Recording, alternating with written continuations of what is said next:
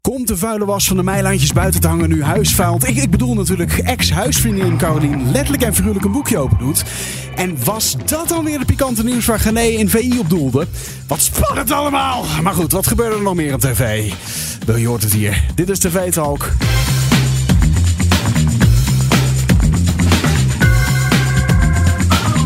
En jawel hoor, we maken het zekerste weten spannend. Ook deze aflevering weer van TV Talk. De podcast die je bijpraat over wat je hebt gemist op de Nederlandse televisie. Mijn naam is Daniel, ik zit hier met Stijn. Hey, hallo. hallo. Stijn, welkom terug. En eh, het is de 23e van augustus. Jij bent beeldredacteur bij Hart van Nederland, voor wie dat nog niet wist. Nou, zeg het maar eens. Wat, het, eh, wat voor avond was het? Het, eh, het begint weer lekker druk te worden. Er is weer zat te kijken. Ja, Dus ik- ja weer veel shows terug hè? ja, nee, ja, lekker. Er Gewoon van Boulevard tot B&B voor Liefde. Vandaag Insights natuurlijk weer terug. Umberto. Umberto, Umberto. ook. Ja, op Ja. één. Ja, nee, dit is weer een vol programma. Ja, Dus eh, ja, ik heb wat fragmenten mee. Daar gaan we het straks over straks hebben. zo. We hebben hoe, eh, als televisieavond, hoe beoordeel je hem? Is over, over zijn algeheel? Schaal van 1 tot 10. Bijvoorbeeld, ja. Nee, weet je wat? Doe op 1, van, van 1 tot 7. 1 tot 7. Ja. Lekker lastig. Ja. Eh, ja, zullen we zeggen een vijfje dan? Ja, heel goed. Ja, nou Dat, mooi. dat is maar de positieve kant, hè? Ja, dat is dan een positieve kant. Het Ja. gaat erom dat je het positief of negatief eh, kunt, eh, ja, kunt Ja. vertellen. En in dit geval een positief iets. Nou, zullen we dan snel eventjes naar een wat korte televisienieuwtjes toe gaan. Wat er vandaag allemaal voorbij kwam. Ook genoeg weer. Ik zag allereerst even een tri- triest nieuwtje even uit de weg werken. Want ehm, de NOS die liet weten, en hij zelf was ook, David-Jan Godfra, ehm, correspondent van NOS, Ja. die eh, legt zijn werk neer. Definitief, want die is ziek, treurig. Echt treurig, ja. Chronische COPD. En eh, hij zei al, joh, jullie hebben mij al een halfjaartje niet eh, gezien. Berichtje op X. Voorheen Twitter natuurlijk. En hij zegt, jullie hebben al een poosje niks van mij gehoord, niet gezien. En nou, dit, is, dit is de reden. En ik leg die en daarom des, definitief mijn correspondentschap bij de NOS neer. Ja, toch heel lang vast gezicht geweest. Ja, ja, hij deed natuurlijk ook onder meer verslag eh, van de MH17-ramp in eh, 2014. Ja, verslag in eh, Rusland deed hij altijd. Ja. En ja, nou ja, treurig. Dus die gaan wij niet meer op televisie zien. Alle goeds voor de beste man gewenst, zou ik Ja, willen zeggen. precies. toch? Ja. Ehm, nee, nieuw seizoen, perfecte plaatje komt eraan. Ja, Dat, 4 eh, oktober. Ja, 4 oktober gaat het, eh, gaat het weer te zien zijn. En ze hebben de deelnemers bekendgemaakt. En mm, trouwens ook dat, dat er weer een nieuw seizoen aan zit te komen. Ja. En ik vond het best wel een leuk lijstje met name. Want wij kijken dat ook. Hè? Ja, Jullie ja, kijken ja. dat ook. Zeker, ik vind het een heerlijk programma. En ik zag ook inderdaad, dat is wel een leuk... Ja, Leuk, ik, eh, Waldemar Torenstra. Hè, de man die in iedere Nederlandse film zit naast Barry Atsma. ja, Natuurlijk. Eh, Henry Schut. ja, televisieprogramma. NOS. Ja. NOS, ja. Eh, ondernemer Annemarie van Gaal, grote naam met veel, eh, ja, die had volgens mij heel veel tijdschriften en zo dat ze had. Ja. Eh, actrices Loes Haverkort, Anna Drijver. Nou, leuke namen. En tot slot Frans Duits doet ook mee. Nou, Die gaan allemaal. Want, eh, voor wie het niet kijkt, wat voor programma is het? Ja, gewoon de mooiste foto's schieten. En het, ze krijgen cursus, korte masterclasses van bekende fotografen. En eh, wie het het beste uitvoert, die gaat door. Die gaat door. Nou ja, en de afgelopen editie, dat was dan een, een ah, perfecte plaatje op reis. Even Ja, uit mijn hoofd. Die werd, hoofd door, eh, Afrika? ja, die werd gewonnen door Leonie ter Braak. Presentatrice, televisiepresentatrice Leonie ter Braak. En tot slot, ja, dit vond ik echt heel geestig toen dat, voor, toen dat vanavond eventjes voorbij kwam. Werd in RTL Boulevard eh, eh, kwam dat eh, voorbij. B&B vol liefde, Olof en Anne. Hè, Die Ja. twee die daar bekend uit zijn. Die gaan zowaar in een speelfilm spelen. Nederlandse film. Ja, toch bizar. En waar denk je waar die film over gaat, beste Stijn? Ja, ik weet het niet. Ja. Maar het uitleggen. nou, dat gaat over een bed and breakfast. nou, zou het echt zijn. En zo waar, de film, hoe gaat die heten, denk je? Wat die bed and breakfast heet? Ja, Nou, je hebt gelijk. Dat. Nou, opnames zijn begonnen. Nou, Geiners hebben gewoon een beetje een cameo eigenlijk eh, te pakken. Ja. Eh, opnames zijn begonnen deze week. En de film is in 2024 te zien. Nou, over Bed and Breakfast gesproken. eh, de man die natuurlijk groot is geworden met zijn chateau. Wat een, ook een... was het officieel een hotel of een Bed and Breakfast? Bed and Breakfast geloof Bed ik, and hè? breakfast Ja. inderdaad, ja. Dat is Martien Meiland. En ons eerste fragment gaat ook soort van over hem. Eh, jij hebt Boulevard gekeken. Ja, want nu komt voormalig huisgenoot Carolien met een boek. En dat is natuurlijk nadat Martien, Maxime en Montana al een boek hebben uitgebracht. En dit gaat eigenlijk over de band tussen Carolien en de familie Meiland. Want die is al vier jaar lang niet zo heel goed meer. De twee zouden namelijk ruzie hebben over geld. En die ruzie zou zelfs uit- uitgelopen tot een vechtpartij. Ja, klinkt extreem. Zo. Ja, en nu doet Carolien dus haar boekje open. Nou ja, door die drie boeken die zijn uitgebracht door de familie zelf. Daar is drie keer toe. Dat, het, verhaal is nog niet afgeschreven voor Carolien. En ik denk dat het een gepeperd koekje van eigen deeg gaat worden. Want zij gaat haar kant van het verhaal schrijven. Omdat de familie dat al drie boeken lang heeft gedaan. Uh, dat is een beetje de reden. Ja, en vier jaar klinkt lang, maar er is uh, heel veel gebeurd. Uh, we hebben ook gehoord wat nou de reden is waarom ze er nu mee komt. Zij zit in de ziektewet, heeft PTSS door de, ja, wat er is gebeurd in het château. Um, en zij zou dus, um, doordat ze in de ziektewet zit, in de problemen zijn gekomen. Omdat Erika heeft gezegd in een interview: ze heeft een ondervuurster. En toen heeft de, de UWV gebeld: van we willen toch het fijne daarvan weten. Dus toen was ze weer helemaal getergd.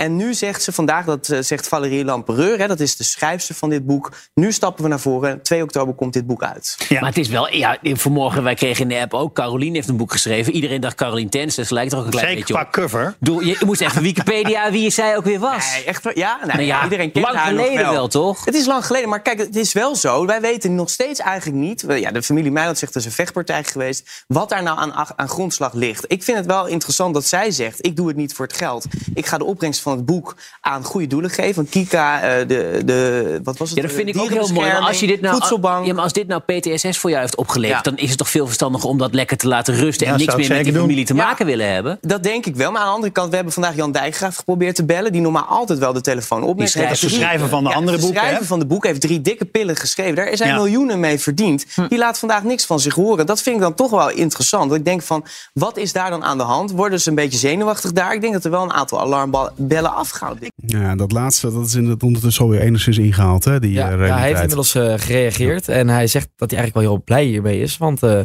ja, weer opnieuw aandacht voor Ja. de boeken. Ja, inderdaad. Ja, Ja, Hij, hij vindt onder meer hij vindt de hele eer dat zijn kofferontwerp gewoon is gejat. Eh, Jat, ja. Nou ja, ik heb het de conferontwerp nog niet gezien overigens, maar ik gok dat het dus zo'n intens in de camera kijkende persoon is dan. Ja, ja. nee, klopt. Eh, Caroline in dit geval, ja. Ja, nou, ik denk dat, eh, dat wat er gezegd werd over yoga en therapie of laat het rusten, eh, dat of zoiets, die, iets van die woorden bij Boulevard, eh, ik denk dat dat veel eh, heel wijze woorden zijn. Dat denk ik. Ik, ik kan er eigenlijk niks anders eh, van maken dan dat. eh, een boek gaan schrijven. Het is ook een hele biografie ook nog eens, hè, geloof ja, ik. klopt. Ja, het is niet over het wat er daar gebeurt. is. Nee, het is dus als een biografie daadwerkelijk een biografie is, dan is het van nul tot hoe- op Ja, dit tot moment. nu. Ja. Ja, ik, ja, Ja, ik, vind, ik, ik was haar ook eigenlijk helemaal weer vergeten. Dus Ja. ik vind het ook bijzonder. ja, misschien had deze vrouw gewoon eh, rustig. Ja, tenzij het achter de schermen nog steeds rommelt en doorgaat. En eh, nou ja, goed.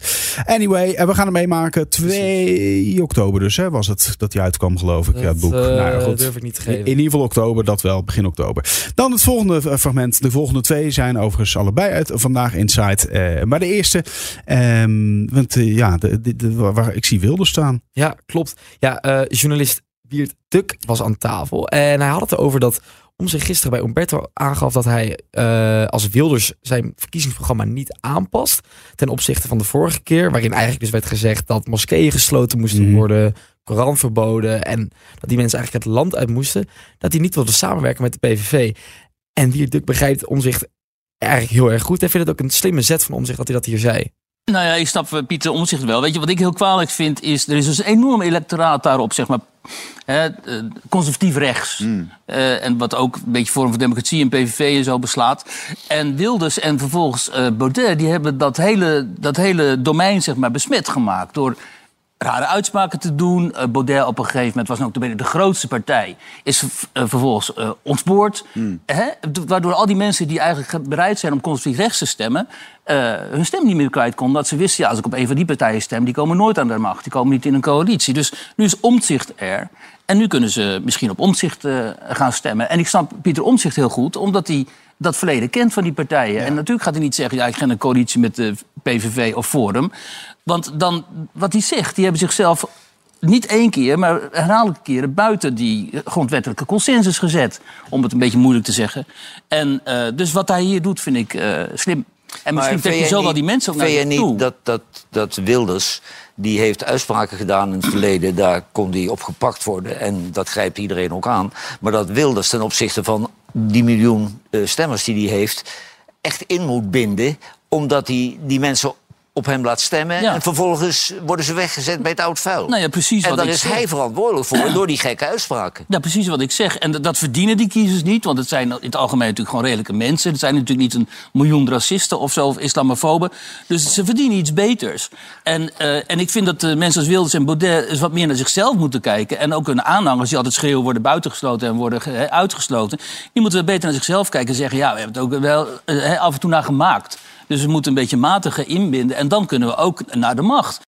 Zegt een man die heel erg veel twittert en schrijft en schreeuwt daarop. Dat, of sorry, x, x tegenwoordig. X, nee, ja. flauw.